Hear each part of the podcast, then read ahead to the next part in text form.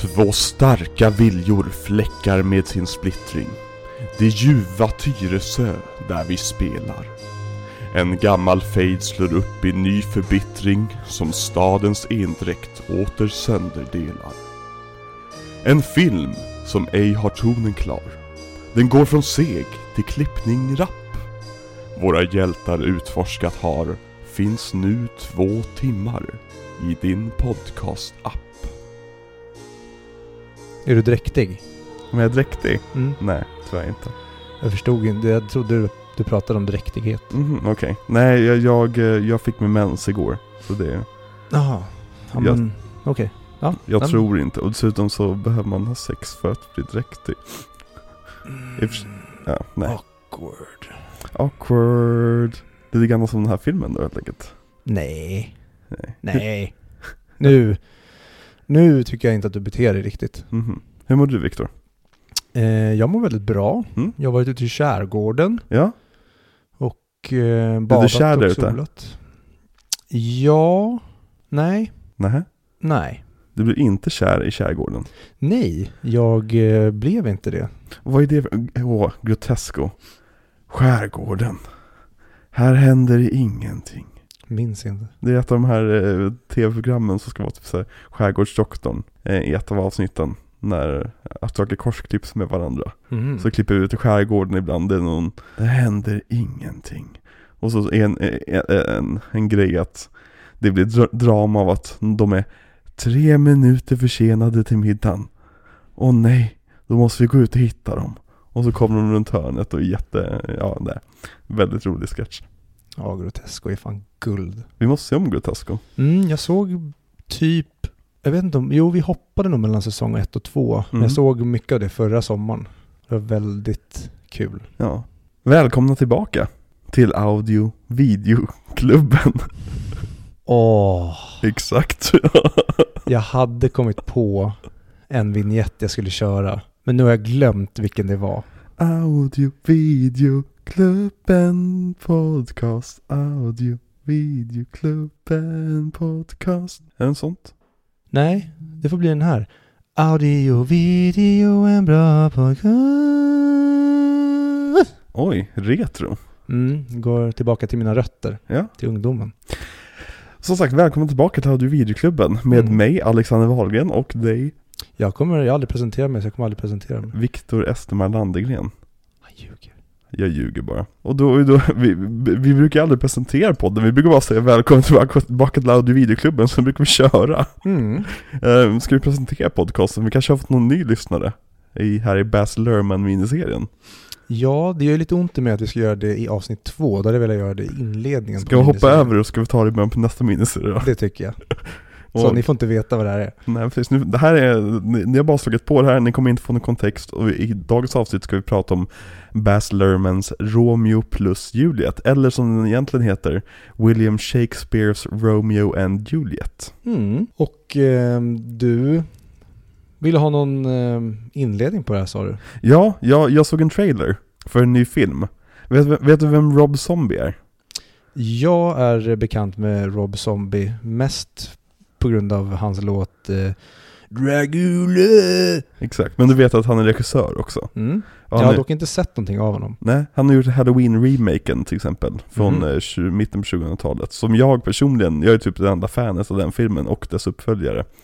Eh, men han är också känd för att göra väldigt så här schlockig action med vidriga karaktärer som våldtar barn och dödar folk till höger och vänster. Och jag är väldigt grov eh, filmskapare. I'm listening. Nej men precis, det är precis up your alley, inte alls, för det är väldigt camp också. Väldigt mycket djupt, med glimten i ögat. Och han har en grej att han eh, har alltid sin fru i huvudrollen, eller i en stor roll i sina filmer. Och hon kan inte skådespela för fem öre. Så han har ju då bestämt sig för att göra en, en remake på The Monsters, som är då en, en sitcom kan man säga från 70-talet, med massa monster. Och vi såg ju eh, Herman Monster spelad av John C. Reilly, till exempel i uh, Licorice Pizza. Mm. Frankensteins monster Ja men precis, exakt. Och det här ska vara då en remake på det. Eh, vi ska se en trailer, du och jag. Mm. Och eh, vi kan väl bara ru- rulla bandet. För de som vill kolla, kolla med, vi kommer klippa lite här för vi måste ha ljud med från trailern. Men eh, ni som vill kolla på det kan också söka upp The Monsters-trailern. I go now.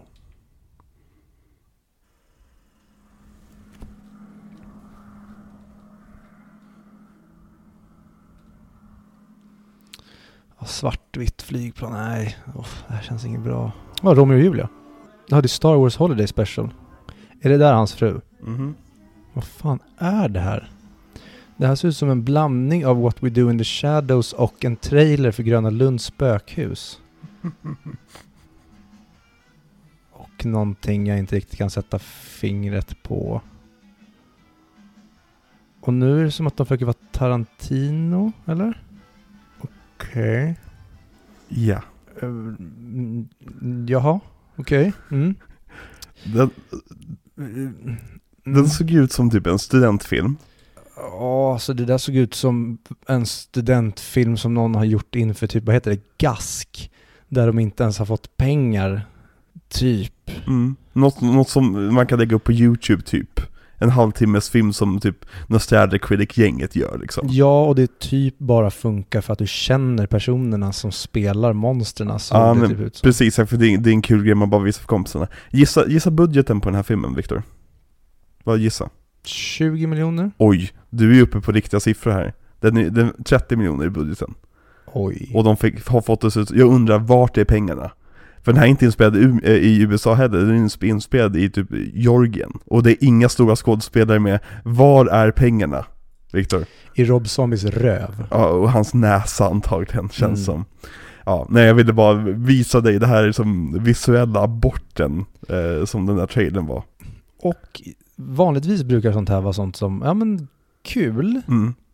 Men det såg verkligen inte kul ut. Nej. Det, det fanns ingenting som i det där såg ut som någonting som man vill typ kanske eventuellt se på en speciell plats. Nej men jag, jag fattar grejen att göra det som så supercamp och lite så referenshumor till som 70-tals, hur Mm. dåligt gjort det var liksom. Men du måste ju fortfarande liksom grunda det i någon slags liksom, verklighet. Mm. Och det här var för, det är nästan för verklighet liksom. För högupplöst foto, för hög framerate liksom. Och det funkar om du löser schysst ljussättning och kanske gör snygga kostymer och snyggt sceneri. Ja. Men det såg verkligen ut som det här är säsongens tema på Gröna Lund. Mm, ja men verkligen, och ljudsättningen bara, det, alltså den lät ju som amatörmässig. Rakt igenom. Ja. Mm. Men hur har han fått rättigheterna till det här? Är det där dit budgeten har gått eller? Nej nej, det här, det här är alltså en studiofilm. Ja, va? Ja, ja. Det är Universal. Ja, just det. Det stod ju att det var Universal. Exakt. Herregud. Det, allt det där gör, alltså återigen, hade man bara sett trailern och sagt att åh, det här är min bästa polare, han har gjort en film med några kompisar som kommer släppas om, om ett år om de får sin Kickstarter fundad. Okej, kul, fan ni, ni verkar ha gjort det här och- liksom, eh, ordentligt liksom. Men när det är en studiofilm och det är som är Rob Zombie som ändå är en liksom, rätt känd liksom, eh, regissör, som har fått liksom, ordentliga projekt i sina knän tidigare. Det här påminner mig om Kevin Smith. Tycker du om Kevin Smith? Jag har inte sett jättemycket av Kevin Smith. Jag har Nej. sett första Clerks. Mm. Jag tror jag har sett någonting mer. Men jag minns inte längre. Nej. Jag hade en polare där som var stort fan av honom back in the day, Mm. där det rullades. Men Clerks är den enda jag kommer på som jag sett. Men den gillade jag. Mm. Kevin Smiths första film är jättebra. Och han, när han kom så jämfördes han med exempel med Tarantino.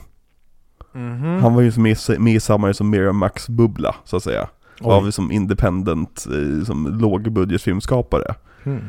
Eh, och trailern till hans senaste film ser ut som den här filmen såg ut ungefär. Han har tappat all sin visuella stil och det, det, det får mig att gråta inombords.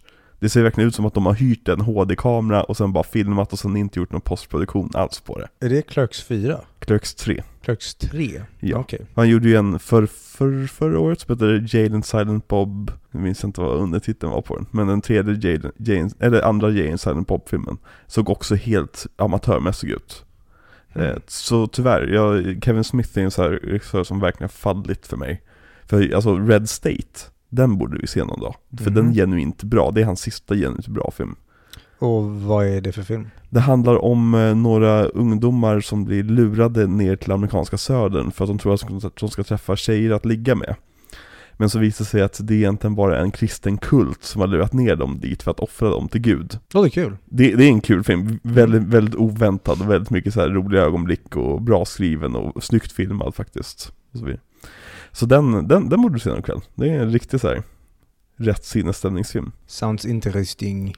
På tal om filmer som man måste se i rätt sinne, sinnesstämning. Den här veckan ska vi prata om Romeo plus Juliet. Ja, vi ehm, går ju vidare i um, Bass Marks liv. Ja, Batman, det är hans pro- produktionsbolaget heter ju det. Mm? Det står ju i början på filmen. Jag kom in på, när jag skulle kolla det, jag kom in på en, en fransk Wikipedia-sida av någon jävla anledning. Mhm. Som det länkades till i hans ehm, engelska Wikipedia-sida. Men jag undrar, för jag kollade inte det, men jag undrar vad som hände med hans eh, Bond-produktionsbolag, som var det han startade tidigt i karriären. Kanske bara var att han rebrandade det och bytte namn till Bassmark. Mm. Eh, visst var det så? Visst heter han Bassmark på riktigt? På hans Wikipedia-sida så står det att han heter Mark Anthony Bass Lerman. Jaha. Det står inte Bassmark, utan det verkar mer som att det var det namnet han gick under och bara kallade sig själv. Mm. Men juridiskt verkar han inte heta det. Nej, okej. Ja. Men ändå så jävla märkligt. Och jag tycker Bassmark är ett skitbra namn på ett produktionsbolag. Mm. Ja, så där kan han ju använda det. Just ska två, två stavelser är lätt att komma ihåg. Mm. Mm. Och det är kopplat till honom själv också. Och egentligen vad som har hänt sen sist, det är inte så himla mycket. Nej. Han tog sin tid och skulle planera sitt nästa projekt. Och sen så började han bli ännu mer bajsnödig för att han kände att ja men det vore väl bra att adaptera typ den största författaren någonsin och tänka hur skulle han, William, ha regisserat en film om han hade gjort det under 90-talet? Ja, precis, för han hade ju tanken att, att eh, William Shakespeare, han var ju verkligen en, regissör av folket, en författare Mm. av folket. Som var tvungen att stå liksom inne på The Globe, liksom med liksom tusentals fulla eh, liksom, britter som står och kastar tomater på honom.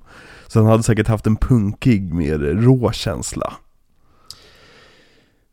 Mm. Mm. Och jag har kollat lite intervjuer nu med Bassmark för att jag hoppades på att den känslan jag fick i inför eller i promotion-delen av Strictly Ballroom, det var en ung, kanske lite oerfaren regissör som kanske var lite nervös, kanske lät lite väl mer bajsnödig än vad han var.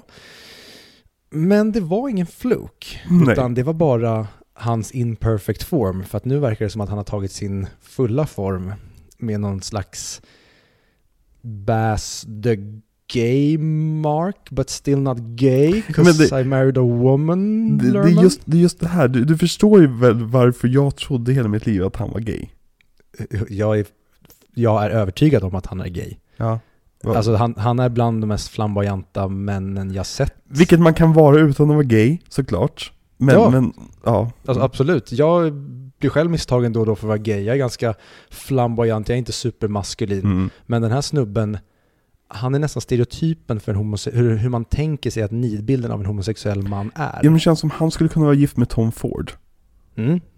100 procent. De två är i samma, samma liksom så här välklädda, eh, superopererade liksom Hollywoodbögar liksom. Mm. Och då är det väl att ehm, idag så ska det ju vara den här lite misogyna tänkte jag säga, den lite androgyna stilen på män. Mm. Alltså ta en av de mest hyllade nu, Harry Styles, som går Mm. runt i klänningar och, och klädd som en nioårig flicka i cowboy, rosa cowboykläder.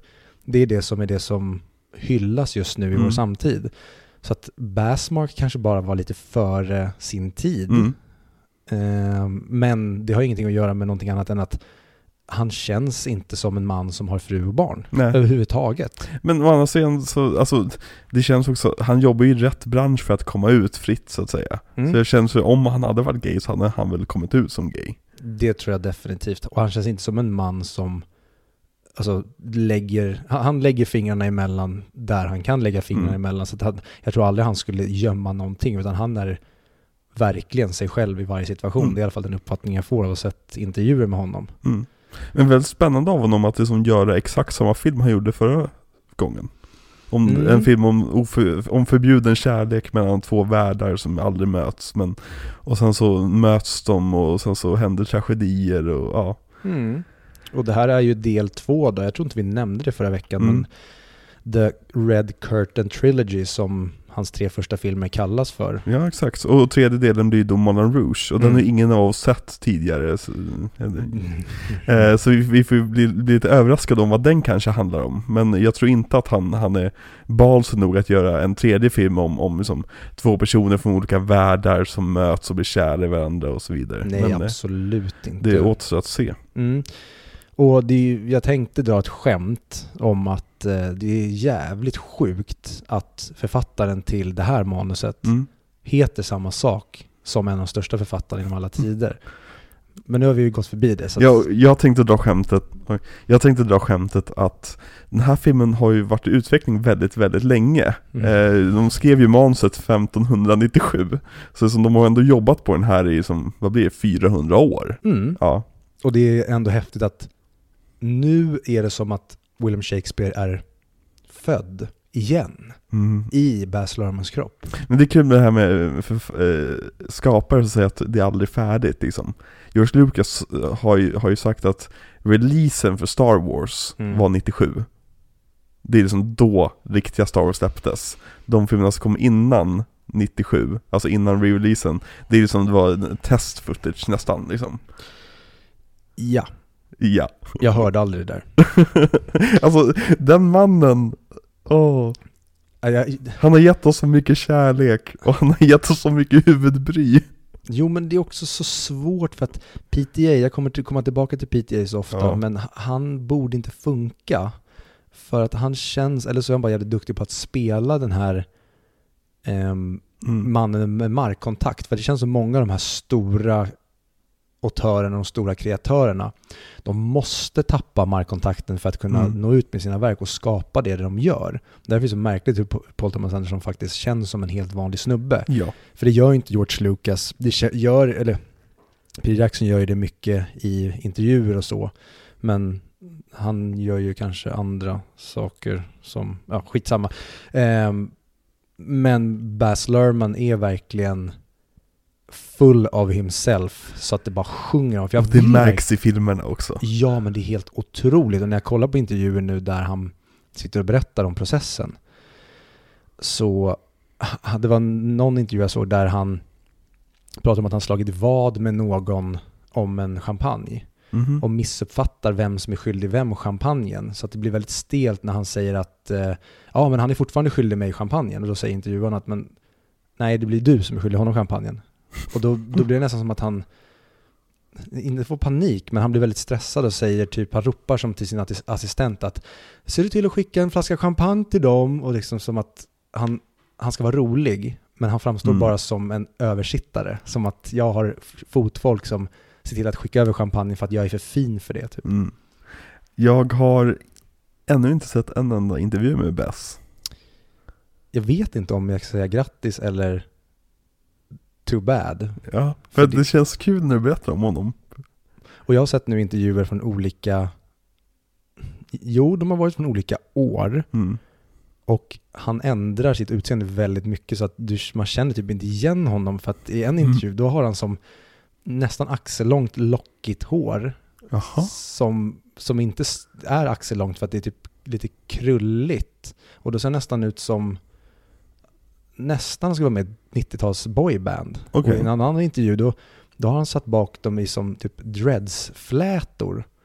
Och Mhm. då ser han ut som en, nästan en gangster och en annan då är han väldigt polerad och ser ut som det man tänker att han ska se ut som, alltså Mm. en kostymör. Mm. Han skiftar väldigt mycket i sin egen stil och därför förstår jag att han vill vara så mycket involverad i looken i sin film för att han är väldigt intresserad av looken av sig själv märker man. Det är inte som Christopher Nolan som har haft samma kavaj hela sin karriär. Nej, det är ju alltså, Baz Luhrmann, jag ser ju honom alltid lite grann som kusin till typ Joel Schumacher. Mhm. Att bägge två har ett väldigt starkt visuellt öga, ett kanske lite för starkt visuellt öga. Ja. Ehm, men ska vi, ska vi hoppa in i filmen eller? Ja, jag vet inte riktigt. Vad har, vad har du för, haft för relation till den här filmen sen innan? Har du sett den? Jag har sett den en gång och jag tror att det var i skolan. Ja. Det är så jag vill minnas. Jag vet att jag har sett den en gång. Mm. Men nu när jag såg den så var det bara fragment av den som jag mindes väldigt Mm. mycket och framförallt tonen, eller som vi kommer komma till, som vi pratade om i Strictly Ballroom. Halva filmens ton hade jag glömt bort. Mhm. För jag mindes bara den delen som, ja men den, den romantiska delen var det som jag trodde att hela filmen var. Ja. Men nu förstår jag ju mer och mer här när jag sa att det inte är den filmen du förväntar dig. För att det var ju precis den filmen vi fick se förra veckan.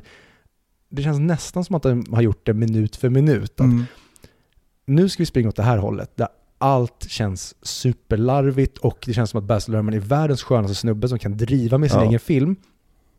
Och sen är det som att han går in på toa, bråkar med Dr. Jekyll, Mr. Hyde, liksom Ja. situationen i sig själv, kommer ut och bara Vi byter ton! Nu ska vi gå full-blown Shakespeare här. Och alla bara Cocaine's a hell of a drug. ja, men, Verkligen! Ja men det, det är verkligen, alltså Jag mindes inte att manuset var 100% Shakespeare Jag, min, jag mindes inte att Mm. all dialog var det, vilket är så här, den, hela den här filmen är lite granna som att en 14-åring har precis läst Romeo och Julia och tänkt att Fan vad häftigt skulle det vara om man gjorde en modern version av det Ja, Fan vad häftigt man skulle, man skulle Och så, så, så istället för svärd så har de pistoler Men det är märket Sword, så Ja. när de kastar ner marken så står Sword på det Eller Dagger på den mm. Och allting är andra saker och liksom så här, allting är referenser till andra saker och liksom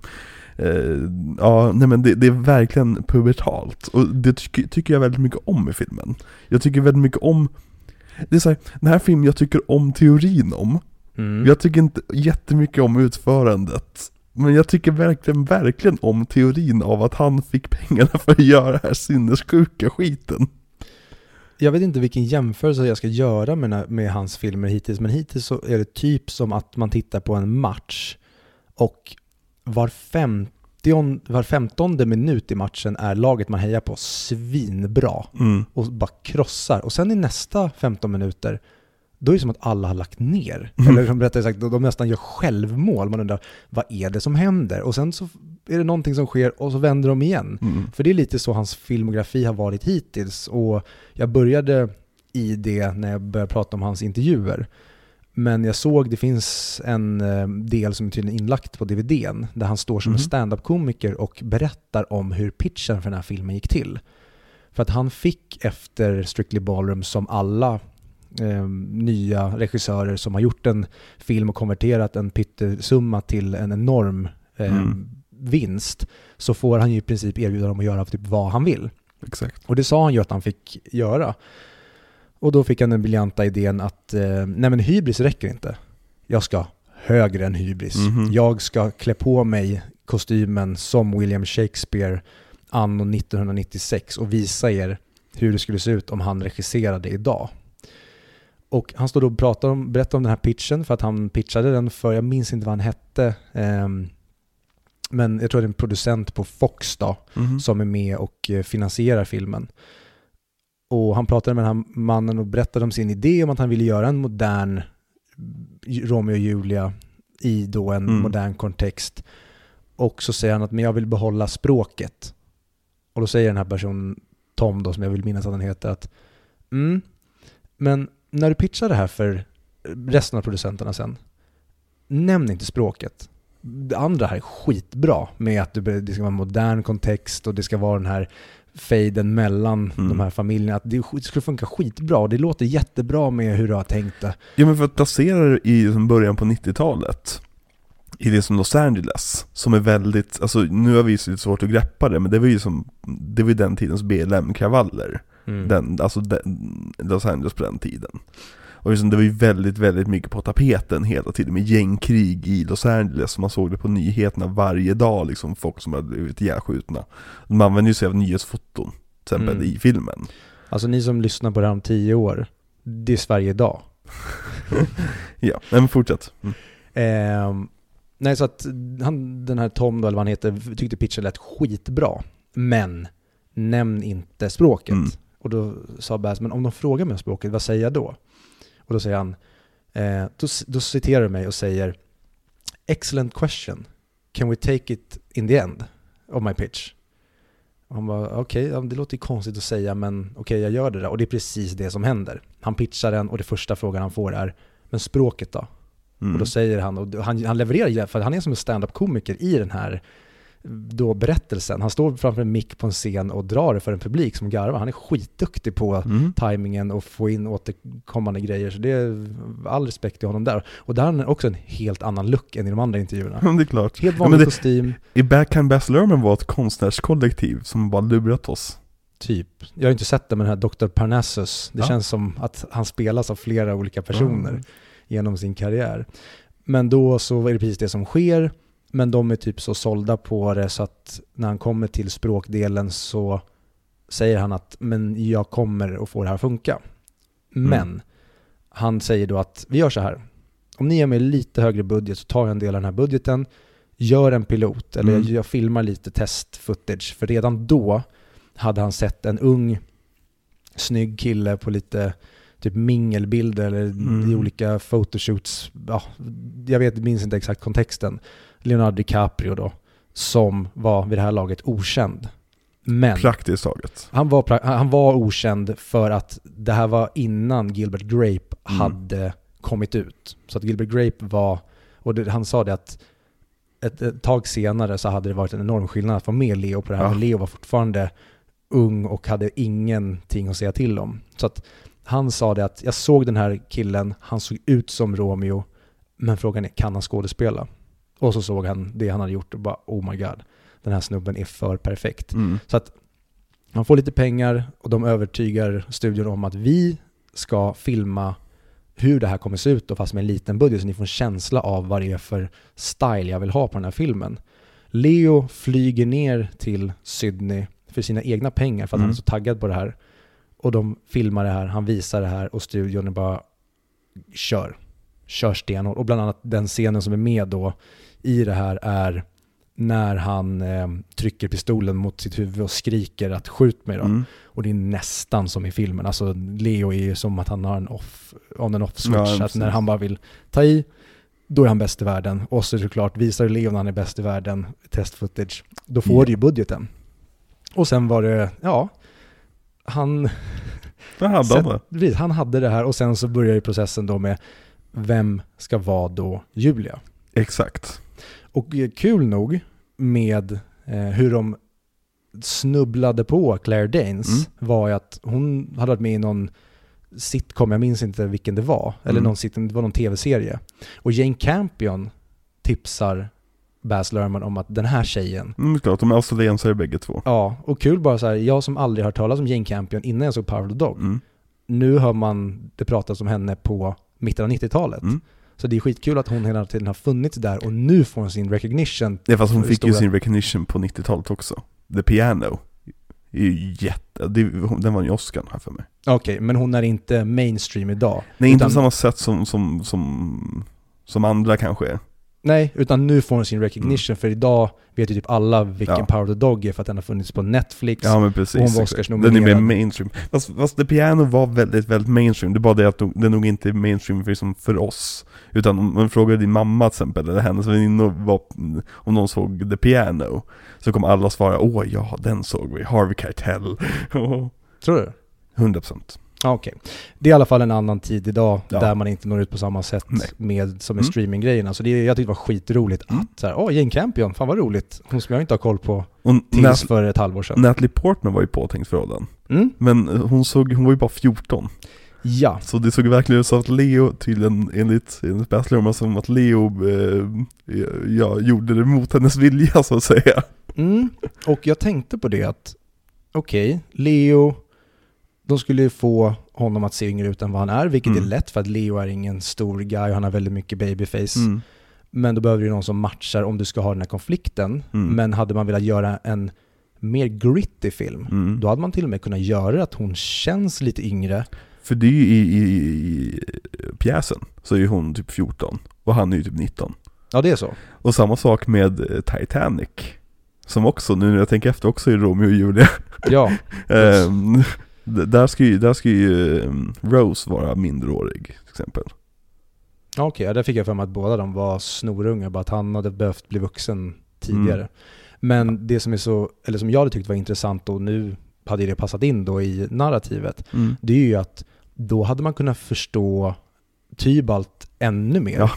Och hur då att, men du rör inte min kusin. Ja, fast, fast det som är svårt när du ska adaptera en sån sak, om du ska göra det liksom bokstav för bokstav, det är det att förr i tiden i Europa fanns det väldigt mycket hederskultur. Mm.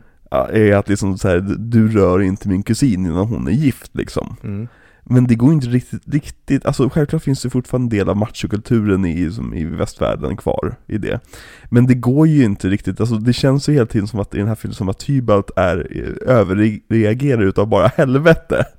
Och det är därför den dimensionen hade Ja. kunnat ge hans karaktär mycket, eller vi hade kunnat få mycket mer förståelse för honom. Precis. För nu är han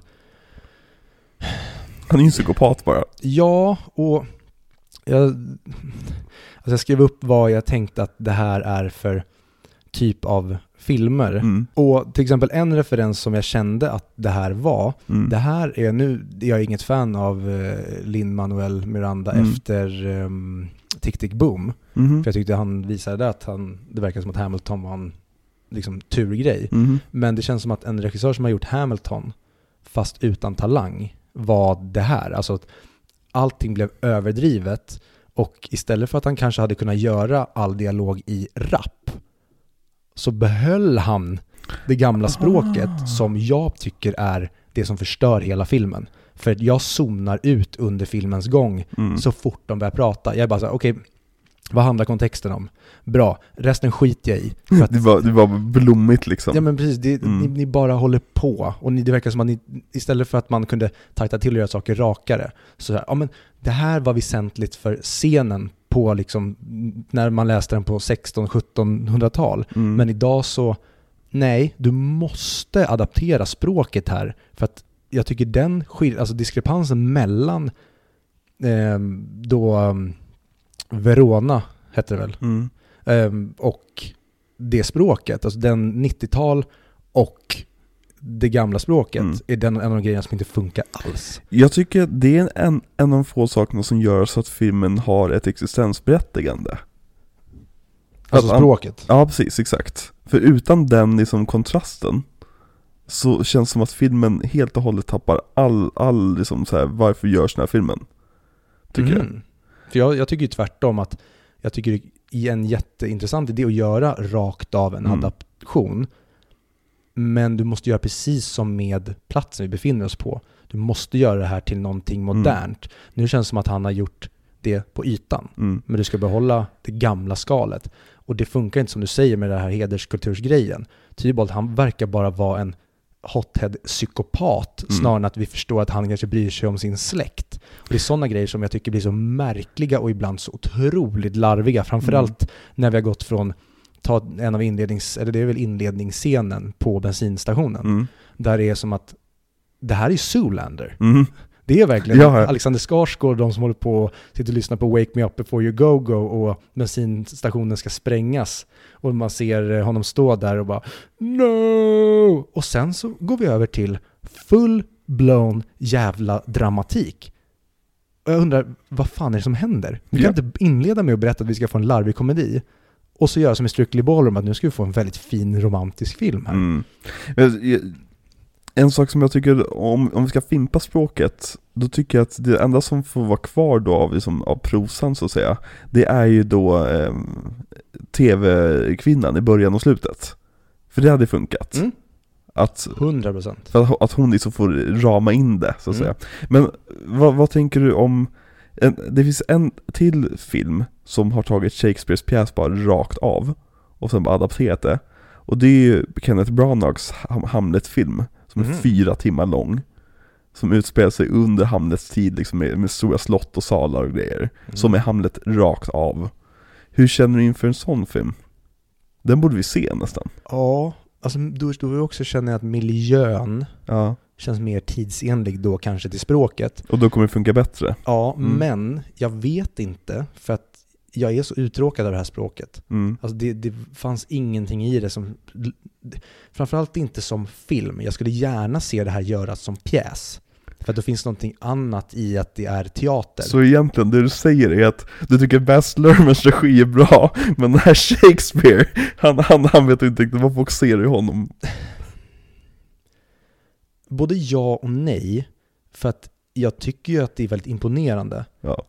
Men någonstans får du bestämma dig. Och det är väl det jag bara säger på förhand, att den här filmen kanske förstörde Shakespeares språk för mig. Mhm. För att jag inte har konsumerat Shakespeare någonting sedan skolan, Mm. när man fick läsa något utdrag.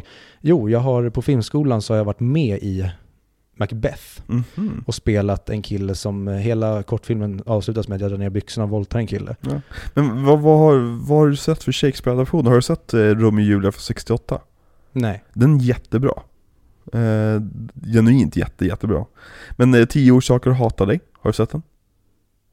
Ja, men länge, länge Det är en sedan. klassiker, den är jätte, det är ju baserat på Much Ado About Nothing Som Ah, också är en eh, Kenneth Branagh-film en gång i tiden eh, Med, eh, vad heter hon? Thompson eh, Emma. Emma Thompson i huvudrollen, Mm. precis exakt Tänkte säga Tessa, men Ja. nej. det var inte. Vi har ju The King Den briljanta The King Mhm. eh, Med eh, Timothy Chalamet i huvudrollen sett. på Henry V och The Six jag för mig Okej. eh, West Side Story Mm. är ju Romeo och Juliet adaption Och där, om man ska prata Mm. om hur man får till det, det är så du adapterar det. Ja, i och med att de har också sång också så Mm. kan man ju liksom använda sig av liksom ett blommigt språk på ett annat sätt. Mm. Eh, The Tragedy of Macbeth, såg du den förra året? Nej. Den har inte jag heller sett. Och eh, jag kommer komma tillbaka till det då och då, att eh, Coen-bröderna lockar inte mig. Eh? Men den såg gorgeous ut. Ja. Den, men det den, tog alltid emot när jag skulle varva upp för att eventuellt se den. mm, mm. Var någonting, jag vet inte vad det var. Men du är inget fan av Shakespeare-adaptioner överlag eller? Nej, ingenting som jag egentligen tagit del av överhuvudtaget. Jag minns att när jag var yngre så varje år så satte de upp en, en Shakespeare-pjäs i Roma, i, på Gotland. Eh, Roma kloster. Där eh, jag och morsan då åkte iväg och såg. Mhm. Så jag har sett eh, ett antal, och sen så i skolan har vi hållit på lite med Shakespeare och så vidare. Jag gick ju estetisk linje. Mm. Eh, så jag har ju alltså rätt nära och varm relation till Shakespeares pjäser. Men som du säger, alltså, hans språk är ju som gjort för att man ska liksom zona iväg en stund. Mm. Eh, men också, sen så kan jag också samtidigt tycka att väldigt många av hans är som han, han, har, han har ett språk som Vissa fraser han skriver är verkligen så här, ja det är verkligen precis så där det där känns. Eller det är verkligen, åh det där var en snygg sägning. Och Mm. det där var, åh jävlar, det där beskriver verkligen den där känslan och så vidare. Men eh, jag, jag är med dig på ditt, ditt tåg egentligen. Jag bara önskar att jag hade tyckt att det var intressantare för att då hade det funkat bättre. För att det, det tycker jag, det skulle jag säga efter, efter kanske en halvtimme in i filmen, så det enda som jag sitter och liksom är peppad på att se är hur de använder sig av manuset. Mm. För att jag tycker att den här filmen efter ett tag blir rätt tråkig. Jag eh, håller med dig fullständigt och det gör mig så ledsen för det var samma träsk som jag hamnade i med Strictly Ballroom. Ja, Att shit vad du har potential här och du som du har nämnt, han är galen. mm. Men det blir så jävla tråkigt till slut. Alltså verkligen många delar av den här filmen sitter jag och bara väntar på att kan ni kuka ur någon gång? För det var det jag tyckte var roligt med inledningen. Och Ja. sen hade det som att ni tar bort den filmen från mig. Sen får ni tillbaka nästa. det är därför jag är så taggad på att se, taggad på att se Moulin Rouge. För Mm. den känns, alltså den här och Strictly Ballroom är som en, en trial run för Moulin Rouge. Hmm. Det här tycker jag också är så jävla kul. Så In Fair Verona skrivs ut på skärmen. Ja men det är det, inledningen på den här filmen är awesome, snabba klippningar, Ja. allt ser rufft ut med statyerna och det är bara två byggnader, det står liksom Montague och Capulets på varsin sida. Precis. Det, här ska det ju bli larvigt, det är nästan som att vi ser en trailer för en Michael Bay-film där han driver med Michael Bay. Jo men det, det är som att det finns en comic book av det här, Mm. som han har adapterat. Ja, och sen överger han det Mm. för att han verkar för kär i grundmaterialet. Och han sa, vilket, bara så här, vem, du kanske tänker det, men du säger inte när han säger att han har ett ansvar som kreatör att återberätta de största författarnas verk. Och då tänkte jag att, men lilla du, vad tror du att många av berättelserna som görs idag på film är baserade på? Ja, att du har Asperger och inte fattar att man har tagit grunden och skrivit nya intressanta tolkningar? Alla stories är Shakespeare-adaptioner i slutändan. Ja, Det är, som, det är så pass, det är Shakespeare och Bibeln liksom som är så pass in- influen, influen, influentiella att de liksom påverkar allting vi ser och hör. Liksom. Mm. Och det undrar jag, ehm, skojar du nu och bara har... Och för att tal om ingenting alls, jag satt och tänkte under hela filmen, var känner jag igen honom ifrån? Wet Hot American Summer. Jaha, för jag tänkte först, är det där Vincent D'Onofrio? Va? Ja, Nej, det är inte Lite det. för gammal, eller han är för ung för att Och Jamie Kennedy också. Vem är det då? Jamie Kennedy var såhär 90-tals, eh, 2000, tidigt 2000-tals ikon. Är det... Eh, Han eh, rosahåriga. ja, okej. Mm. Ja. Men inledningen här är amazing i filmen, för nu har vi playat den här och du bara Mm. nämner det att fan vad de har kul här i början. Mm. Och Ja men varför verkligen. kan inte ha kul? För att hade de haft den här tonen rakt igenom, då hade språket varit som nästan du typ driver med Shakespeare. Du, du har kul med hans språk här. Du, Ja du men exakt. inte förlöjligar honom, men du gör en väldigt rolig tolkning av det. Precis, exakt. Och hur de liksom så slänger eh, förolämpningar till varandra och typ eh, vad, vad säger han? I, I rub my thumb at thee. Ja, Eller fan det där. Och så måste han ta tillbaka det och så, så uh, No, I rub my thumb but not at thee! Liksom, han verkligen får Shakespeares manus att verka liksom att det här är översättningen av det, av det, av det de säger. Mm. Och det funkar väldigt bra i den här inledningssekvensen verkligen. Ja, att man alla får en, det blir en freeze frame och det står vem han, den personen Ja. spelar. Det är också jätteroligt. Jo men och, och hur de presenterar eh, föräldrarna. Ja, Med, med bara det här som deras namn, Ass Capulet, som bara, Ja. ja. ja nej. nej. är det är amazing. Och det, därför blir jag så jävla besviken när de sen överger hela den skiten. Ja, nej, det är synd. För att det är typ, ta, vi kommer komma till det, men ta scenen i poolen när eh, Romeo hänger på väggen. Mm. För mig, jag sitter och garvar åt det för att det blir parodiskt, för att ni har presenterat så mycket larv innan. Mm. Så när ni försöker vara sådär seriösa, jag kan inte ta er på allvar. Verkligen. Det är, som, det är nästan så att du ska gå in i, i satirträsket Ja, för att det ska funka där, när du har haft den här inledningen. Eller så gör den här inledningen jätteseriös, och då funkar det med Ja. Romeo sen, när han ska ju som, eh, egentligen, när de pratar varandra, på, till varandra i dikt. Nej, men det, Mm. Ja. Och um, till då, um, tillbaka till produktionen när de då skulle Mm. Casta Claire Danes. En av anledningarna till varför hon fick rollen var för att hon var en av få som vågade kolla Leonardo DiCaprio i ögonen. och det förstår man. Ja, men samtidigt, vad fan, du är ju på casting här. Mm. Du, du måste ju gå in i en roll. Du kan ju inte vara rädd för att titta den du ska spela mot i ögonen. Och då undrar jag, vad har han i ögonen som gör att kvinnorna inte vågar titta i dem? Men ska vi prata lite grann om Leonardo DiCaprio? Who? Leonardo DiCaprio.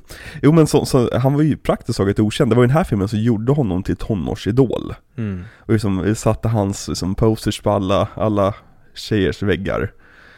Och eh, hade Body Pillows funnits på den här tiden så hade ju han sålt liksom rekordsiffror på Body Pillows antagligen. Ja, och eh, kudos och grattis till Baz Luhrmann Mhm. att Gilbert Grape kommer ut och han får en Oscars-nominering. Ja, Och så att den är fresh i allas memory när han då ska göra den här precis. fronta William Shakespeares Romeo och Julia. Ja. Och vi, vi kommer ju ha anledning att komma tillbaka till Leonardo DiCaprio ett antal gånger det kommande året. Mm. Eh, Jag har räknat till åtminstone två stycken filmer med honom. Mm. Så vi kommer prata om.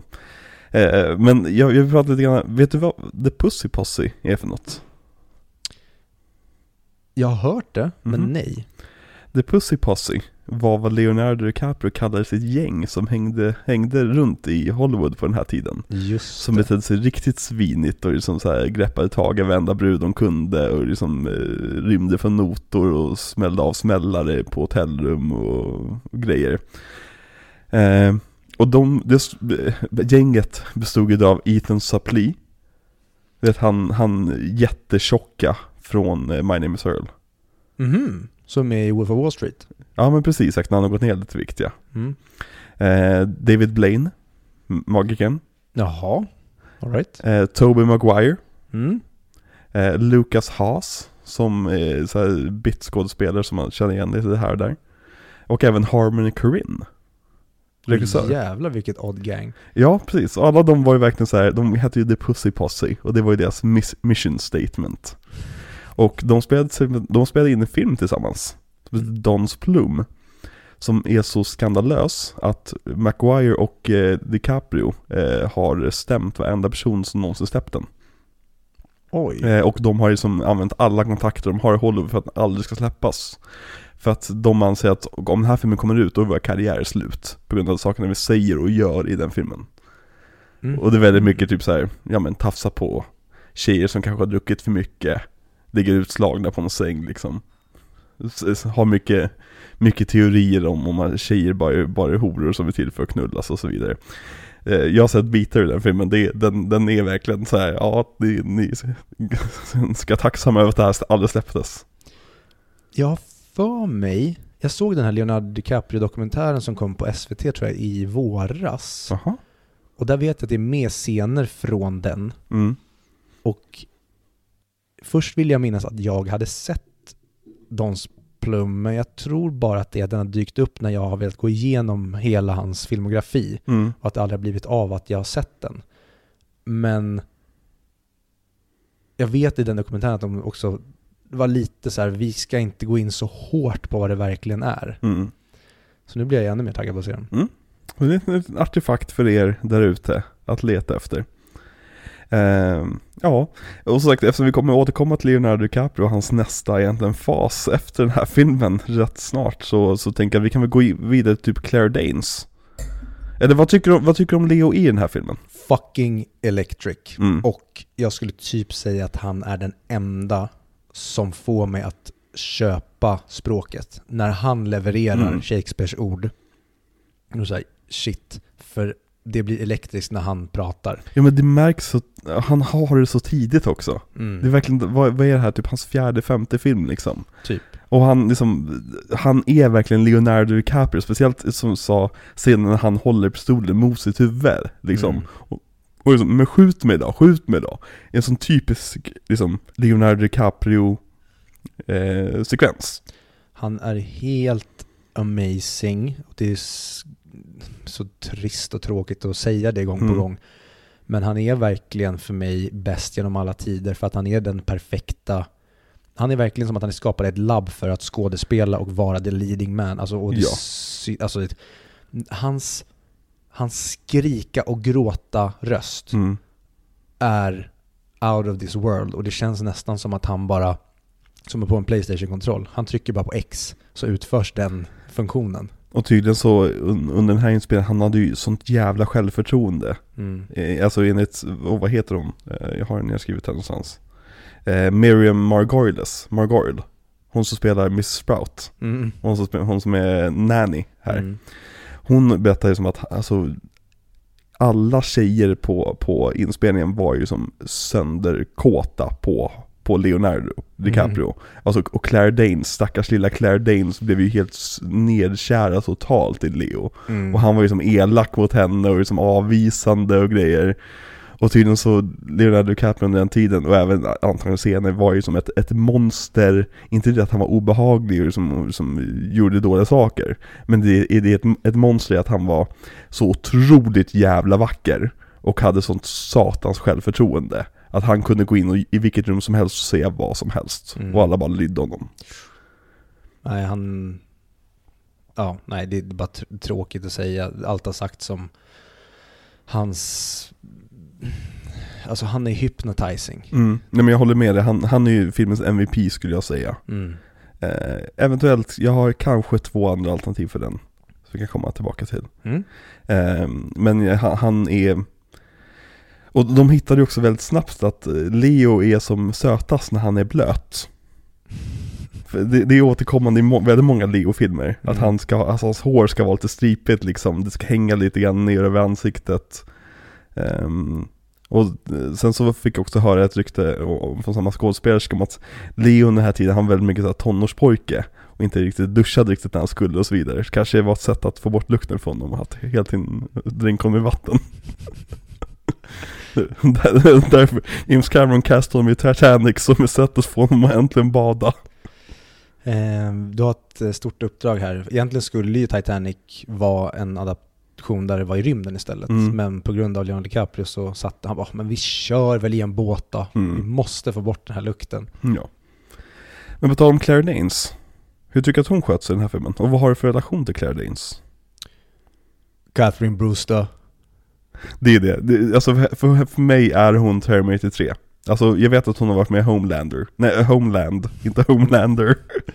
det har varit jättekul dock, en Homelander-serie. Eh, ja tack. ja.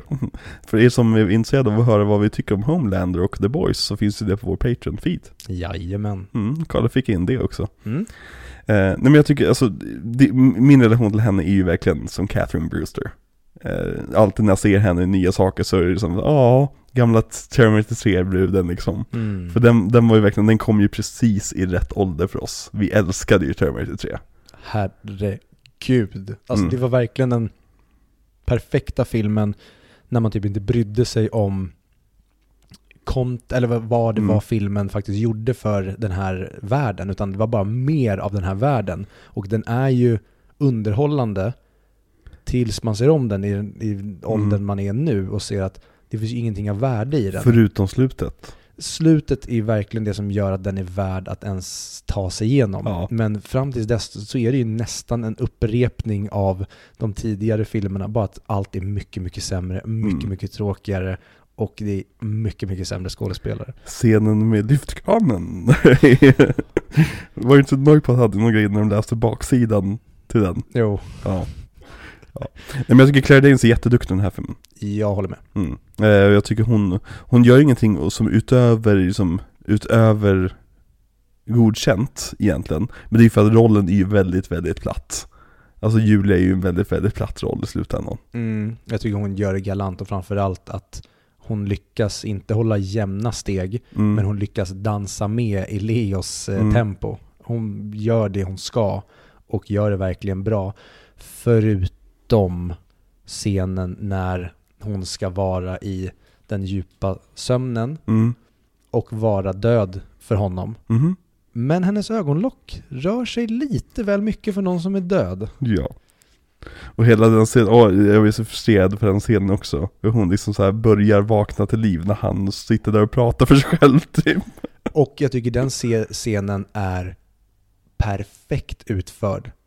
Tills precis när han drar i sig giftet, för då blir Mm. klippningen Alltså man fattar typ nästan inte vad som händer, för där får han något klippdamp. Mm. Vilket han ibland får, Baz Luhrmann, för att jag tycker ibland det är skitkul med snabba klippningar. Och den här filmen, precis som Strictly Ballroom, den har ett skitbra tempo. Mm. Men ändå så blir jag uttråkad. Mm. Det är så konstigt. Jag vet, det, det är märkligt. Det är som att det finns liksom ett metatempo någonstans som han misslyckas med. Ja.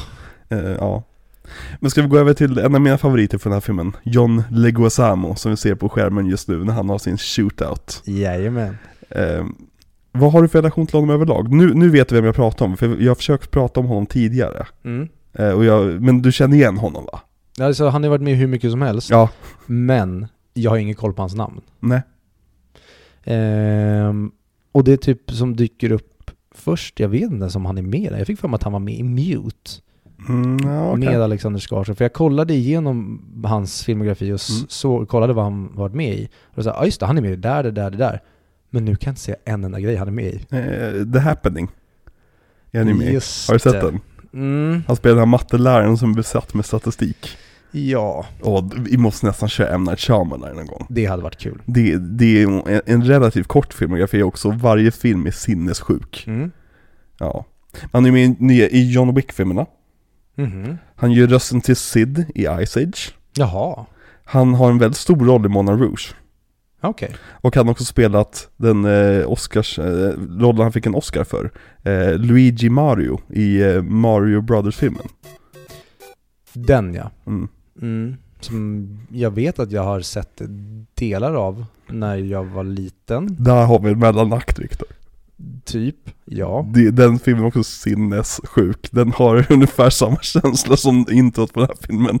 Vi borde typ se den när den nya Super Mario-filmen kommer ut. Med Chris Pratt. Ja, att Mm. se, ha som en uppvärmning. Ja, verkligen. Definitivt. En sån här tvådelad mellanakt. Mm. Som vi kommer göra i, eh, i februari någon gång va?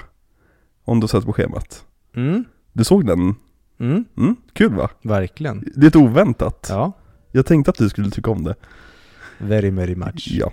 Um, enough teasing. Nej men John Leguizamo i den här filmen, jag, tyckte han, jag tycker han är helt briljant. När han spelar den här unhinged, liksom over the top karaktären som känns som han kommer från R- Robert Rodriguez film typ. Ja. Verkligen. Mm, eller hur? Han Mhm. skulle kunna vara med The Mexican. Ja. Mm. Nej men jag tycker han, han, han, är, han är briljant i varje scen han är med i, som det här som hyenan nästan, det här vilda djuret som, som de inte får släppa lös liksom. Mm. Och sen så lyckas han komma lös och ja, han mer eller mindre orsakar sin egen död. Och här när han är ung, Mm, då har han ju verkligen en sexappeal som jag inte tycker att han har när han blir äldre. mm, Då tappar han mycket av det, men här känns han som du säger, han känns verkligen som ett djur här. Mm. Man förstår alltså, väldigt många unga tjejer hade ju säkert honom på sin vägg också efter den här filmen. Mhm. Speciellt efter, efter introt där han får stå verkligen glänsa med sin som otroligt som, tajta kropp liksom. Mm. Mm. Och hans ridiculously töntiga jacka som han Ja. har sen när han ska vara skräckinjagande. Ja, jag älskar det. det är, jag tycker han, hans karaktär verkligen fångar camp-tonen i filmen på rätt sätt. Mm. Och sen så är det som att de har glömt bort att den är där. Ja, för en skådespelare som inte fångar camp-tonen alls, men fort, som fortfarande är väldigt bra i den här filmen, som är från den andra, andra versionen av filmen, Pete Postlethwaite. Mm. För han är ju med i den seriösa versionen av filmen. Ja, han har inte fått veta om halva tonen. Nej, men han är ju väldigt bra i rollen dock. Han är jättebra. Men han är alltid bra. Mm. Det, är som, det är som ge honom exposition att, att berätta så det som funkar det. Mm. Ja, men han är kanon verkligen. Mm. Och kul. Han är alltid rolig att titta på. Mm. Roligt namn att säga, rolig man att kolla på. Pete Postlethwaite. Och vad, vad var hans sista roll? Inception va? Var det hans sista? Jag har för mig att det var hans sista. Eller kanske bara för att jag tänker att han, han låg i sjukhussängen i den. Ja, men det kanske är så pass länge sedan han dog. Att Mm. Det känns bara som att han dog mer nyligen än Inception. Han borde hunnit med någonting mer. Men mycket möjligt att det var det nästan så att tragikomiskt att Mm. det, det, blir så vi minns honom. Ja, var, han, han, jag, vi har diskuterat honom i, eh, fan vilket avsnitt var det? Har han ens varit med? Eller diskuterar bara? Ja, men vi pratade om honom för att vi kom in på Danny Day-Lewis och pratade om In the name of the father. Just det, och just det, eh, Chumbawambas uh, Tub Thumper. Ja. Exakt, exakt, just det. ja. Nej men jag tycker han, han, han levererar jättebra som den här Father, eh, någonting. Father Mm. Jim, eh, Father Louis, jag vet inte. Någonting. Eh, som ska vara den här stabila, men, men han, han är ju också den som orsakar alltihopa genom att ge dem fucking gift. Du, det finns simplare lösningar på problemet kände jag.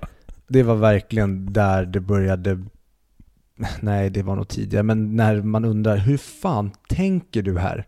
Och sen blir det så jävla roligt och komiskt när han inte har koll på henne. Mm. Ja verkligen. Han är iväg på andra grejer när hon vaknar så här, Du försöker "Dude, posta ett brev och grejer. du har sett till att hon ska verka som död för hela sin släkt. Då måste du vara där när hon vaknar så att du kan få bort henne så att ingen riskerar att se det här. Ja, men- men... hela jävla kyrkan är bara öppen. Ja, och det är så kul också när han får reda på att så brevet har inte kommit fram till Romeo. Och där, där ser man lite av så spår från problem av, av eh, att det är en adaption av Mm. den konkreta texten liksom. För att i pjäsen då är det så att han får höra att, att brevet inte kommer fram, så han skriver ett nytt brev. Rätt logiskt på den tiden. Här är det så här, okej brevet har inte kommit fram till Romeo. Okej fuck it, jag skiter i alla brev, allt vad brev heter. Jag åker till Julias lik nu, för någonting kommer hända uppenbarligen med det liksom. Mm. Jag måste vara där när de vaknar åtminstone. Ja, nej han, han uh, fumbles the ball kan man säga. han är ju filmens eh, MVP fast i motsatt riktning. Verkligen. Han är ju filmens Skurk. idiot. Ja, Den ofrivilliga skurken. han vill väl men allt skiter sig. En annan karaktär som vill väl och som är lite av filmens skurk Mr Paul Rudd himself. Jävlar vad jag blev tagen på sängen när han dyker upp. Verkligen, jag med. Jag, glömt, jag visste inte att han var med i filmen. Och så Inte bara dyker han upp och är som Mr Perfect. Och man bara, åh kolla, där är Paul Rudd idag. Nej, nej, det var Paul Rudd för 30 år sedan, okej. Och han verkar veta på förhand vad Då det här är för film. För att han Mm. spelar typ den Paul Rudd som han gör i typ Wet Hot American Summer. Som, hans, Clueless är också lite grann, är det här innan eller efter Clueless? Det är väl typ samtidigt? är det? Ja. När kom den här filmen? 96? Ja, men Clueless kom väl 96? Ja okej. Det är kanske lite tidigare. Ja, då är han kvar i Clueless. För att Mm. det älskar jag med honom här. Att det, är- det är som att han driver. Ehm, eh, Parks and Recreation. I ve? Har du inte sett Parks and Recreation? Jag har sett första säsongen Okej, för han, han spelar typ borgmästarens son som ska bli den nya borgmästaren. Och han, Mhm. eh, allt han har är att han är rik och han vill ha saker. Alltså, han, för han är helt dum i huvudet. Och så eh, slåss han mot, mot Leslie. Och så säger hon typ så här, but I'm going, going to win. Och han svarar typ så här, but I want it! I, I want the seat on the city council. Can I have it? Please? No, you're supposed to be a serious, serious politician liksom. Ja, Okej. Parks är verkligen en serie som alla som älskar The Office älskar också Parks och vissa säger till och med att ja, Parks är bättre Mm. än The Office. Jag skulle säga det. Ja, och jag var inte såld på säsong ett, men samtidigt, det är många säsong ett som jag inte är såld på som jag överger. Har inte vi precis pratat om det här? Jo, Gjorde vi The Boys-avsnittet kanske? det kan vi ha gjort. Ja.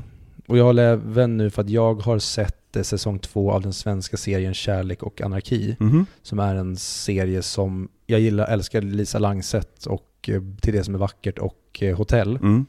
Jag tror bara det jag sett av henne och jag tycker hon är av det kanonsregissör. Mm. Så när hon skulle göra en svensk tv-serie och den premissen när det är en kvinna och en yngre kille som börjar göra dares mot varandra och ska hålla deras relation lite hemlig. Då Mm. kände jag att fan vad kul att se henne regissera. Och så såg jag säsong ett och den var bajs. För Mhm. att den var lite för feg och den ville kanske, den hade inte hittat sin ton. Så jag tänkte att, nej men jag skiter i säsong två nu när den skulle komma. Jag har typ glömt bort serien. Mm. Men så började Becka kolla på den. Och jag bara sätter mig och typ pillar med mobilen och lyssnar och så börjar jag titta och inser att shit vad det här är någonting annat än Mm. säsong ett. Och de har verkligen hittat vad serien ska vara. Säsong ett är "Ugh", och säsong två är wow. Alltså Mm. den är verkligen svinbra samtidssatir.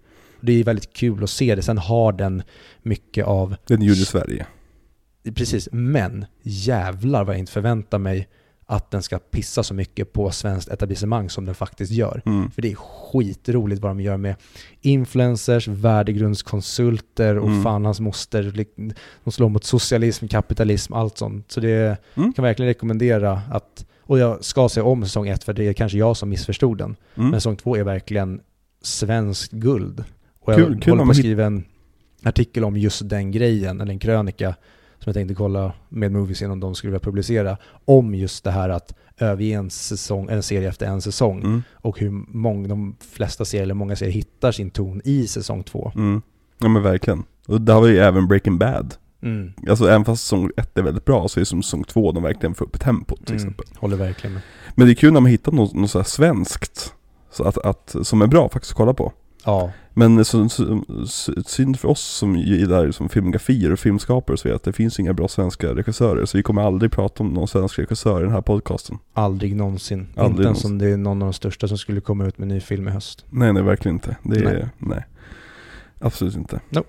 Yes. Vi, när det kommer till svenska filmskapare så kan man säga som att vi är liksom i en triangle of sadness liksom. Att liksom det Men det är, det, det är så jävla inrutat. Ja, alltså, nej det är men verkligen som en square. precis, precis. Alltså jag känner mig som ett riktigt så här gitarrmongo när jag liksom sitter och liksom försöker hitta, hitta liksom någon bra film, svensk filmskapare att prata om. Ja, fast nu sitter vi och pratar någonting som får mig att känna att vi är de ofrivilliga. Ja, vi är ju lite ofrivilliga här. Ja. Eh, ska vi bara trycka på play på filmen vi kollar på istället? Ja. Ja, bra. Då så. Eh, glömde vi någon där kanske? Klipprums-Alex här. Jag måste säga att jag har ingen aning vad idioterna i inspelningsstudion försöker antyda med det här skämtet. Det är någonting, eh, jag har tappat det helt. Eh, måste säga att jag känner mig lite grann som en turist i sammanhanget. Eh, men så tillbaka till avsnittet. Ja. Eh, Harold Perrineau. Han som spelar Mercutio. Mm, som är med, det enda jag kan ta som han har varit med i är Lost. Han var också med i Matrix-uppföljarna. Han spelade Link. Mhm. Den här snubben med dread som ersatte liksom tech-teamet. Ja, okej. Jag tycker han, han är jävligt bra i den här filmen. Ja, han framförallt hans introduktion som Mhm. den här dragqueenen är han ju guld i hur stenhårt han går in i det. Mhm. Och eh, sen får han tyvärr göra scener också där han ska vara trovärdig. Mm. Och det blir inte lika bra. Han går ju all in på campinessen. Det, det är ju det som gör honom verkligen underbar i filmen. Men som Mm. sagt, den här, hans dödssekvens till exempel. Och där, där återigen, där drar språket och prosan ner scenens Ja. kvalitet. För att då måste man helt plötsligt som så här, helt plötsligt, helt plötsligt måste han vara väldigt, väldigt verbal när han håller på att dö. liksom. Ehm, ja, nej men jag tycker väldigt mycket om honom. Jag tycker alltid om honom. Han har en väldigt skön presence tycker jag. Det är synd bara att hans karriär typ på hållet har gått, liksom, gått under. Mm, Jag jag kan inte komma på någonting jag sett honom i, men det kan jag inte komma, komma på utöver Lost. Nej. Men i Lost är han ju svinbra som någonting, men han är Walts pappa. Ja, det, är det jag minns från, från Lost med honom, det är att han skriker Walt! Ja, ja, precis. Det, det är också en karaktär som de inte riktigt visste vad de skulle göra med. Nej, han i- i börjar Lost. verkligen som ett riktigt jävla svin. Mm. Och sen så ska de försöka ge honom lite redemption. Men det är lite som Lost Overall vill jag minnas att de börjar med karaktärerna på vissa platser och Mm. sen inser de att oj vad den här karaktären kanske var populär. Eller att oj vad vi kom på ett intressant ark. Mm. Nu måste vi få honom att göra en 180 graders vändning. Mm. Och det sker kanske lite för mycket i Och de introducerar någonting i deras backstory, någon flashback som inte alls hörde hemma liksom. Nej. Minns du, eh, läste du och jag One Piece? Nej, du fortsätter med One Piece ehm, efter Dragon Ball vill Ja. jag minnas. Och jag testade det, men det var inte min kopp te. För där var också en sån sak, de gjorde att efter typ så här 200 böcker så hade de eh, en backstory helt plötsligt Luffy till huvudkaraktären. Mhm. Som inte alls passade in med vad man tänkte hans, att hans backstory skulle vara. Liksom i, i ens huvud. Som var, bara kändes såhär, fan vad onödigt. Och jag gillar verkligen inte så. När, när, de, liksom, när de ger oss typ så här tre stycken filmer som säger liksom hur den stora skurken i en film, i filmtrilogi, hur han gick från irriterande snorunge till irriterande tonåring till massmördare. Ja, men det har ju typ aldrig gjorts heller. Nej, Framförallt precis. inte en av de största franchiserna som någonsin har gjorts. Nej precis, exakt. Det är för nu kollar vi på scenen när uh, Mercurito, Mer- Mercutio. Mercutio. när han eh, ger eh, lite knarsch Mm? till Leo. Och jag tycker också det är en väldigt rolig sak att han är väldigt hög. Mm. När han ser Julia första gången Mm. så undrar man, är det sann kärlek? Exakt. Eller är du bara jävligt hög? Och det är också väldigt kul hur, ja då det blir att de är tonåringar som typ håller på att få världen att rasa samman på grund av att de är lite brunstiga och kåta. Ja, och jag tycker också kul, här, här, så utnyttjar de ju språket till sin fördel. I det att de har en lång utläggning om vad kärlek gör med en man. Och det översätter bäst till att de pratar om eh, typ ecstasy Mhm. istället, men det är samma text liksom. Ja. Eh, det, det, sånt, sånt tycker jag är väldigt roligt i den här filmen. Alltså när de verkligen, när de leker med det. Men sen så när det bara är som en, en klar och rak leverans av texten, då blir det tråkigt. Mm. Det funkar verkligen bäst när de vrider på det. Mm. Som nu när Mercutio, sa du det? Merc, Mercutio. Jag kommer att säga Walts pappa. Okej. När Walts pappa står och han, han bara vrider, han, han, det finns inget stopp på när han vrider upp sitt spel, så han Mm. står och bara skriker rakt ut i luften. Mm. Det är mycket roligare än när de faktiskt försöker leverera det här straight och Mm. balanserat. Verkligen. Och så har vi en, en sista roll i filmen också att prata om. Eh, hon Miriam Margoyles, Margoyles, eh, hon Nannyn. Jag tycker hon, hon spelar över utav bara helvete i den här filmen. Och den här dialekten hon lägger till sig med. Och hon, ehm, hennes karaktär byter personlighet Mhm. typ tre gånger. hon först är den här stränga personen Mm. som jag ska vara typ en classic maid till en början. Sen genom filmens gång så blir hon helt plötsligt typ Juliets riktiga mamma. Mm. Eh, och sen så är det som att hon försöker hjälpa dem att skapa det här och få varandra. Sen helt plötsligt så vänder hon Mm. och säger nej, nej, nej, det är nog bäst att du blir ihop med Paris. Och det känner jag att, men det är precis det, det är som att Gandalf skulle säga efter ett tag att Frodo, det är nog bäst att du går hem. Mm. För att det här är för farligt för dig att nå the, ring of fire. Jo men det är som att, det, mamman är ju den som ska säga att hon ska gifta sig med Paris. Mm. Medan hon Maiden ska vara hon som är såhär, men jag känner dig på riktigt, du borde välja kärleken liksom. Ja, Mm. och det är som att hon helt plötsligt blir personlighetsförändrad. Mm. Och det, är ju, det hade ju varit fantastiskt i slutet om vi hade fått se henne igen. Där hon inser, fuck vad har jag gjort? Mm. Det här är ju mitt fel.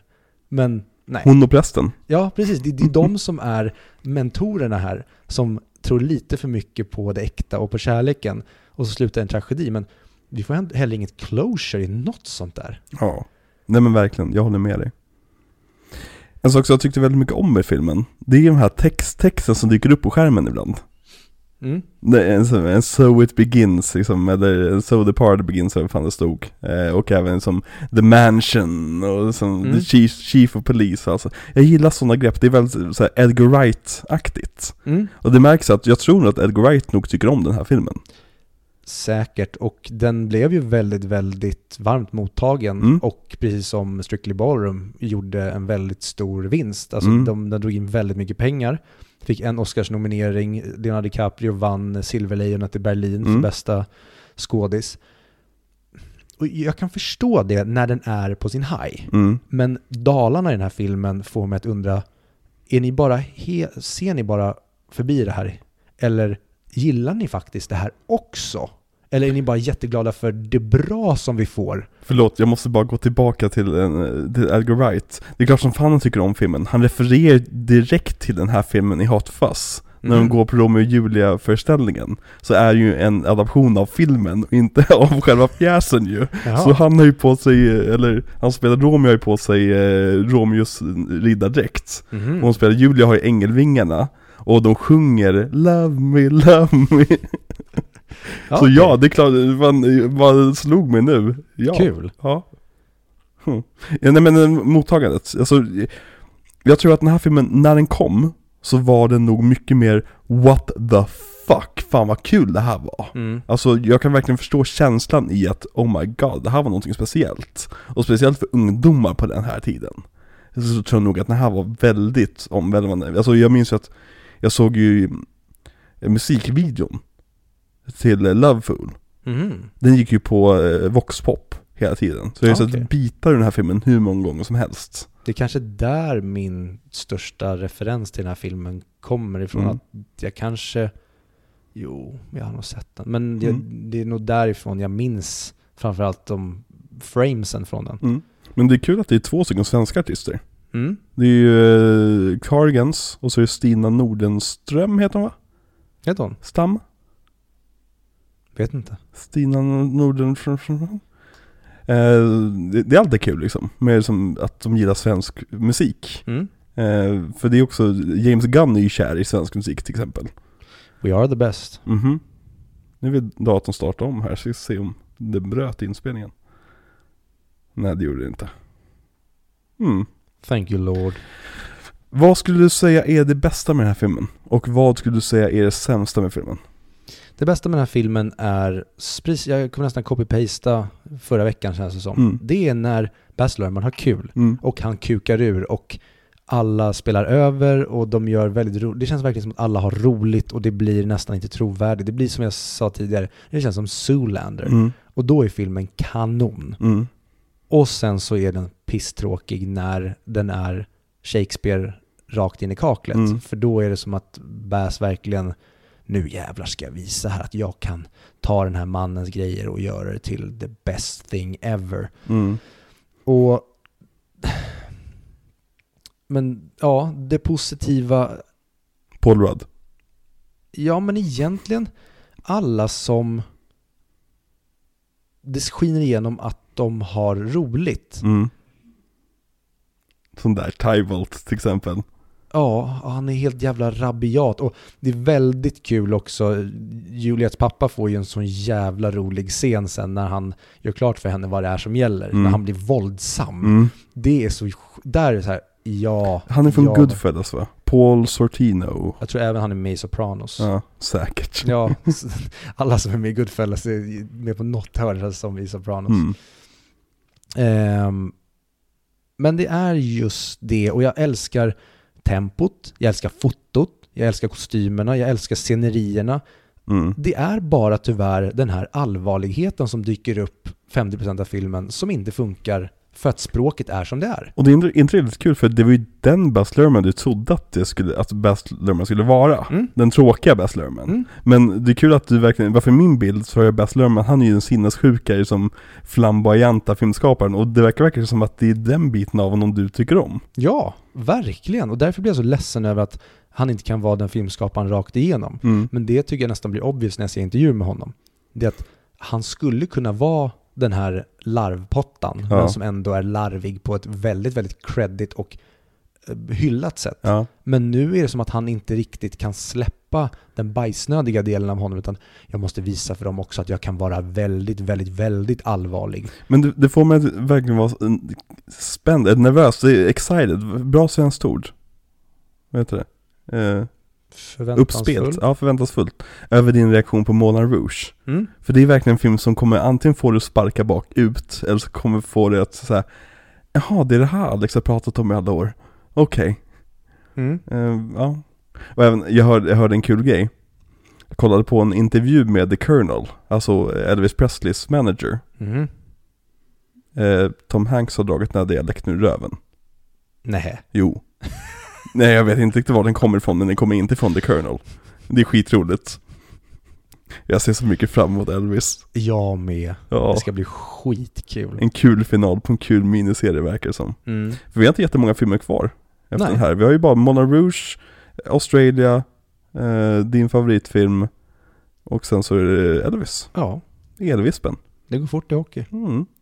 Eh, det, sak, sak, det som jag tycker är bästa med den här filmen När de verkligen får till alltså Shakespeare, det roliga i Shakespeare-översättningen Alltså med just det här när, när Mercutio liksom börjar skrika om kärlek Mm. och, och hur de förelämpar varandra i början un- under, under ehm, vad station, Mm. bensinma- bensinmackscenen. Mm. Jag tycker verkligen när det, när det klickar, så klickar det på perfekt rätt sätt för liksom adaptionskåta Alex. Mhm. Alltså fan vad kul det här var som adaption. Mm. För att när jag var liten, när jag var tonåring, då satt jag och verkligen funderade på sådana här saker. Hur skulle man kunna göra den riktiga versionen av Batman till exempel? Som är som 100% korrekt. Ja. Som är i verkliga livet. Så liksom, Jokern var någon emo-kille och grejer och ja. Mm. Och det känns verkligen som att han har fått en stor budget för att göra just den här, liksom, det här anteckningsblocket av grejer han kom på. Och det tycker jag, det funkar, det är så mycket skaparglädje i det att jag bara, åh, ja, underbart. Mm. Men som du var inne på, den negativa är just när han går för hårt på det och det blir de, de tråkigare inom citationstecken, de scenerna. För då skulle du verkligen behövt gå tillbaka till ett, till ett riktigt manus, med riktig dialog för att sälja det. Eh, ja, Och det låter på Bass i intervjuerna som att det är att han fick dialogen att funka. mm, Det är det han är typ mest stolt över. Mm. Och då undrar jag, du behöver människor runt omkring dig som säger nej till dig. mm. Och det är väl lite den här, äh, inte andra films grej, men när någon har gjort en framgångsrik film och så får de typ pengar till att göra vad de vill. ja. Be- skaffa dig några som vågar säga till ditt face oavsett hur stor det blir. Det är det han fick funkar. efter den här filmen. Mm. Moulin Rouge är, är gjord med en gigantisk blank check att gör exakt vad du vill. Ja, okej. Ja. vad ska du säga filmens MVP då? Tråkigt egentligen att säga Leo, men oväntat nog som vi inte ens har pratat om. Mm. Polischefen. Ja, Jävlar vad Mm. han är bra. Och verkligen. Han funkar stenhårt när han går in och är förbannad. Och den här superseriösa polisen som... Vad han avslutar med? You are inte condemned. Eh, Nej, jag minns inte. det är väldigt snyggt i alla fall. Ja, som Ha, och han fan. får den texten också att flyta. Ja. Mm. Det är det som imponerar mest på mig och det är därför Leo är MVP, för att han är den enda som verkligen får rakt igenom. Det är Mm. klart att det finns skavanker i han också i den här, men framförallt i de delarna han tar i. Då är det såhär wow, Mm. jag förstår att de gav er pengarna baserat på den här leveransen. Mm. Och sen tyvärr kunde ni inte få Leo som spelar alla roller, för då hade det här flygit rakt in i kaklet. Mm. Så du säger Leo som din MVP? Ja, jo, ja. Mm. För han också tar i så jävla mycket och han får det absolut svåraste att leverera tycker jag. Mm. Så det tycker jag. Och jag, en annan grej som jag också tycker är att ehm, det är ett sånt jävla angenämt val. Det är typ, jag vet inte själv vad jag hade valt om de säger att antingen blir du ihop med Leonardo DiCaprio eller Paul Rudd. Nej. Ja, och jag tycker också kul att de inte gör Paul Rudds karaktär till en douchebag. Mm. Att, att det som, han, han råkar bara vara en Baxter. Ja. Alltså att det som, han är som killen som hon inte valde. Bara. Mm. Jag Du säga, min MVP är nog Pete Postlethwaite. Okej. Jag tycker han är så jävla stabil. Men det gör, alltså, det är snarare så att han får den MVP-statyetten bara för att han inte är dålig. Mm. Alltså om du förstår vad jag menar. Jag, nej jag måste ge den till en rolig, jag, jag ger den till eh, John Leguizamo. Jag är typ med dig där, för Mm. han är galen i huvudet. Ja men jag vill se mer av honom. Det är verkligen, jag ville bara ha mer och mer och mer av, av den karaktären. Mm. Mm. Jo, John Legu- Legu- Leguizamo. Vad sätter du för betyg på den då? Jag och eh, Becka som tyvärr inte kunde vara med idag för Mm. att hon är ute och dansar med Kenneth. Mm. Hon och jag pratade om, vad sätter man för betyg på den här? För att jag tycker att topparna är typ, ja men det är absolut uppe på 4 av 5. Mm. Men dalarna är också väldigt, väldigt, väldigt djupa. Och då vet jag inte riktigt, för att jag hade fortfarande väldigt kul med den här Mm. stundtals, men jag blev också väldigt uttråkad av den. Mm. Och jag vet inte om jag ska sätta betyget på highsen eller lowsen eller dra det i mitten. Mm. Men tyvärr så vill jag inte se om den här. För att det som lever kvar i mig är tyvärr att du var fan ganska uttråkad under stor del av det här. Så att det blir typ en två och en halva, Mm. en fem av tio. Det blir inte, inte mer tyvärr. Mm. För att jag vill inte, jag ser hellre om Strictly Ballroom än det här. Mm. Jag hade roligare med den. Mm. Definitivt. Ja, och du då? Jag sätter 3 av 5, fast med samma typ av motivering som dig egentligen. Det är bara det att det funkar lite bättre för mig det här med shakespearianska. Mm. Eh, Men eh, ja, topparna är väldigt höga, dalarna är väldigt låga, någonstans däremellan. Jag tycker att under 3 av 5 då är det inte godkänt, jag tycker att den här filmen är, är godkänd. Den, är som, den har ett mission statement, den uppfyller det bra. Mm. Ja men det är intressant för att jag sätter ju mitt godkänt på två och en halv. Ja men precis, exakt. Så att, ja, då är det bara olika vad, vad vi drar liksom linjen. Men Ja. Då är vi tråkigt nog överens igen. Ja, som alltid, fan, vi måste verkligen hitta någonting. Vad var senaste gången? Eh, Northman var vi inte överens om. Mm. Eh, Och, den tror jag, skulle jag säga om den, skulle jag nog vara mycket närmare dig idag. Jo men det är ju det som är så tråkigt med den. ja. Eh, Avengers, där var vi inte överens. Mm. Men där, ja fast där, där, där är vi ju väldigt överens egentligen, när, när man lyssnar på vad vi tycker om den. ja, det är ju bara att, som att vi sitter och recenserar dina barn. Mm, ja men precis, exakt. Det är som jag tycker om dem lite mer bara. Mm. Mm, mm, Men vi är fortfarande överens om när de är snorungar och när de är älskvärda. mm, Det är bara att du har en annan biologisk kärlek till dem som inte jag har. precis. Ja, men den här miniserien kan ge oss väldigt roliga, ro, roliga filmer, alltså att inte vara överens om tror jag. Mm. Sagt, nästa veckas avsnitt kommer vara så spännande. Det är då jag ska sitta och fundera på, okej nu ska jag försöka vara så långt ifrån Alex som det bara går. Mm. Kommer jag att lyckas? Eller kommer jag bli Baz Luhrmann Mm. och komma ut som, eller inte komma ut, jag kommer, det kommer skina igenom den flamboyanta mannen i mig. Även fast jag låtsas vara straight. Låt mig gissa på, din favoritkaraktär för nästa veckas film kommer vara den narkoleptiska argentinaren. Okej, Mm. Då kör vi på det. Mm. Jag ska ta den personen om ryggen oavsett vad som händer. Ja. För nästa, film, nästa vecka ska vi då prata om Moulin Rouge. Men innan vi rundar av allt det här eh, en gång för alla tänkte säga, det lät väldigt finalistiskt. Eh, så vill vi tacka våra patrons. Fuck yeah. För att vi har precis börjat eh, räkna lite grann på och, och ni har Ni har sponsrat nästan, nästan hela vår resa nu till eh, England, så vi ska beställa biljetter till alldeles strax. Jajamän. Där vi ska gå och se Cursed. Och det är, liksom, det är spikat och klart liksom. Vi ska Mm. bara liksom, ta ledigt från jobbet och köpa biljetter helt enkelt. Fan Mm, vad det ska bli kul. Verkligen. vad- det, är, det är också så jävla sjukt att det blir av. Mm. Att vi gjorde det som en rolig grej, så här, men, ta en Patreon och så sätter vi upp ett mål som ändå aldrig någon kommer vara intresserad av att ens bidra med Ja, lite precis. luft till. Och nu så ska vi faktiskt åka och eh, jag vet inte, antingen kommer vi älska det eller så kommer vi möta ett krig mot den moderna Harry Potter. Eh, Oavsett vad så kommer vi ha kul. Vi kommer ha med oss inspelningsutrustning. Mm. Så vi kommer spela in när vi eh, ser även, alltså när vi går och ser Harry Potter men även en annan liten överraskning som vi tänkte utföra när vi är där. Eh, och lite sånt där, så det, det kommer bli jättekul. Så det har att se fram emot på Patreon-feeden i höst. Och eh, vill ni göra, vill ni få oss att göra ännu, ännu alltså vi, vi tänkte så här, vi, vi ska tömma Patreon-kontot för Londonresan. Så om ni vill få oss att göra lite roligare saker och tokigare grejer där, eh, bli Patreon så får vi lite extra pengar att röra oss med.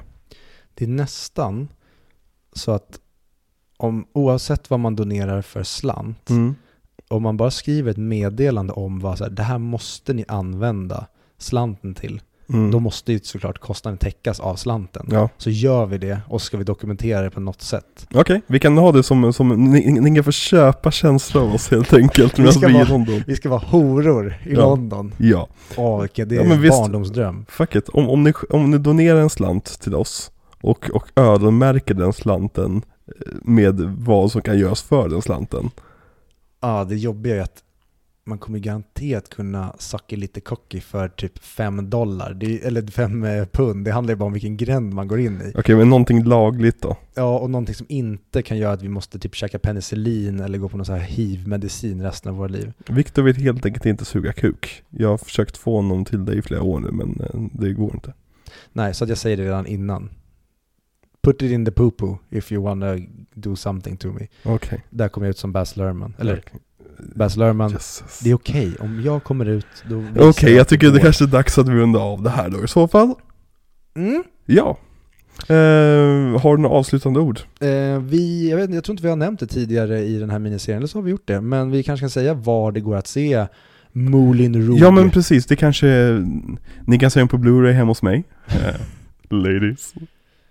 And gentlemen. Och den här filmen fanns ju på Disney Plus, säger jag i slutet av avsnittet. Ja, men det är bra. Ifall ni eh, precis, Moulin. Rouge, vart finns den att se?